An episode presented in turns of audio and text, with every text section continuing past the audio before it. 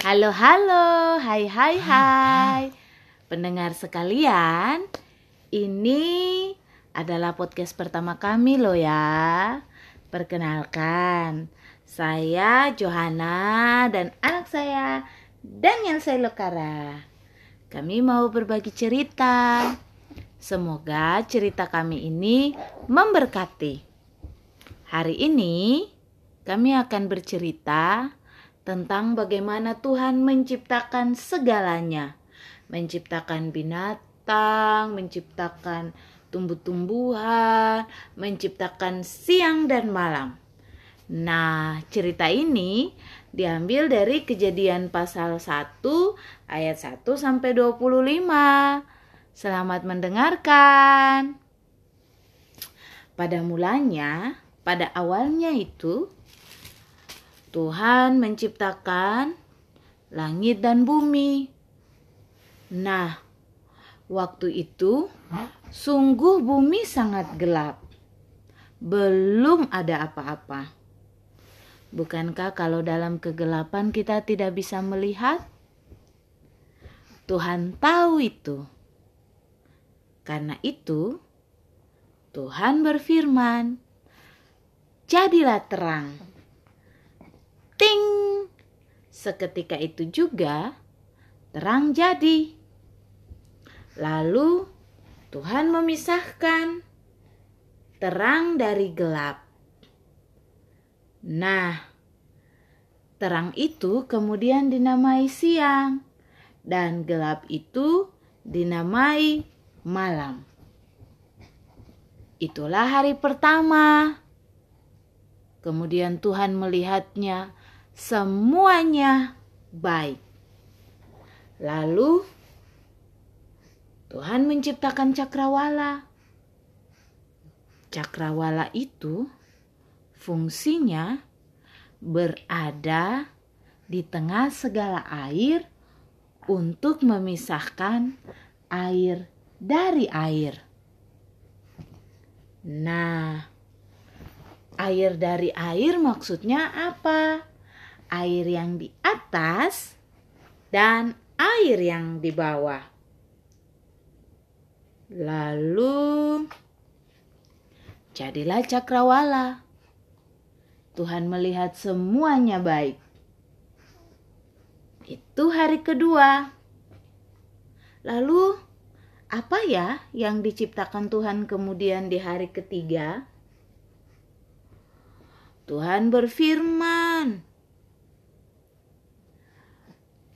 "Ayo, semua air yang berkumpul, jadi satulah di suatu tempat. Semua air yang di bawah langit, ya, berkumpul di suatu tempat, sehingga terlihatlah tempat yang kering." Nah, semua air yang berkumpul di satu tempat itu dinamakan dengan lautan, sedangkan yang kering itu yang kita tinggali ini dinamakan dengan daratan. Nah, itu adalah hari ketiga tiga. Di hari yang sama, Tuhan menciptakan tumbuh-tumbuhan yang berbiji seperti kacang hijau, kacang kedelai, kacang polong, kacang kacangan yang lainnya yang menyehatkan dan bergizi itu. Kemudian Tuhan menumbuhkan pohon buah-buahan seperti mangga, durian, manggis, apel, pisang, pepaya, dan masih banyak lagi. Supaya apa? supaya ada tumbuh-tumbuhan di bumi. Dan nantinya saat ada hewan dan manusia yang diciptakan hari berikut berikutnya sudah ada makanan. Jadi para hewan dan manusia tidak kelaparan. Nah, Tuhan melihat semuanya itu baik. Lalu, apalagi ya yang diciptakan Tuhan setelahnya? Tuhan menciptakan benda-benda penerang di langit. Hmm, apa saja ya benda-benda penerang itu? Ada matahari, ada bulan, ada bintang. Tahukah fungsinya masing-masing? Kalau matahari untuk menerangi siang, kalau bulan untuk menerangi malam. Kemudian ada juga bintang-bintang. Selain itu, tugas mereka, benda-benda ini maksudnya adalah sebagai penanda yang menunjukkan masa atau musim-musim, hari-hari, dan tahun-tahun. Tuhan melihat semuanya itu baik. Kemudian dilanjutkanlah lagi hari kelima. Tuhan menciptakan apa ya? Tuhan menciptakan burung agar bisa terbang melintasi langit. Tuhan menciptakan segala binatang yang besar di laut, seperti ikan paus, ikan hiu, gurita, eh, bintang laut, plankton juga. Semuanya Tuhan ciptakan.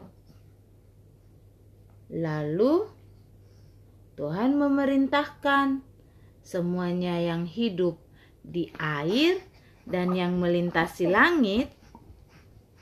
Ayo, ayo, semuanya harus berkembang biak dan bertambah banyak untuk penuhi bumi, penuhi air yang ada di lautan, dan burung-burung bertambah banyak. Itu hari kelima. Nah, hari keenam sebelum sampai kepada manusia, Tuhan menciptakan apa ya? Tuhan memerintahkan, hendaklah bumi mengeluarkan segala jenis makhluk yang hidup.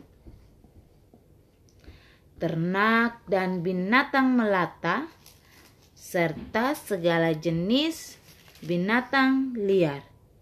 Nah, apa saja? Ada sapi, mu, ada anjing, kuk kuk kuk kuk, ada ayam,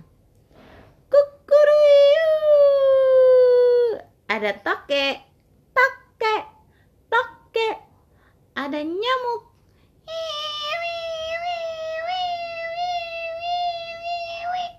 Ada kucing.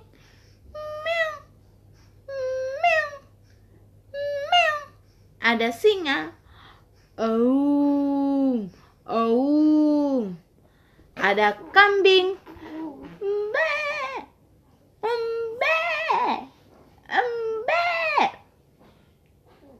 Dan masih banyak lagi.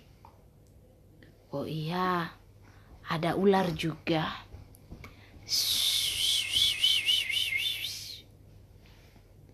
Dan Tuhan melihat semuanya itu baik.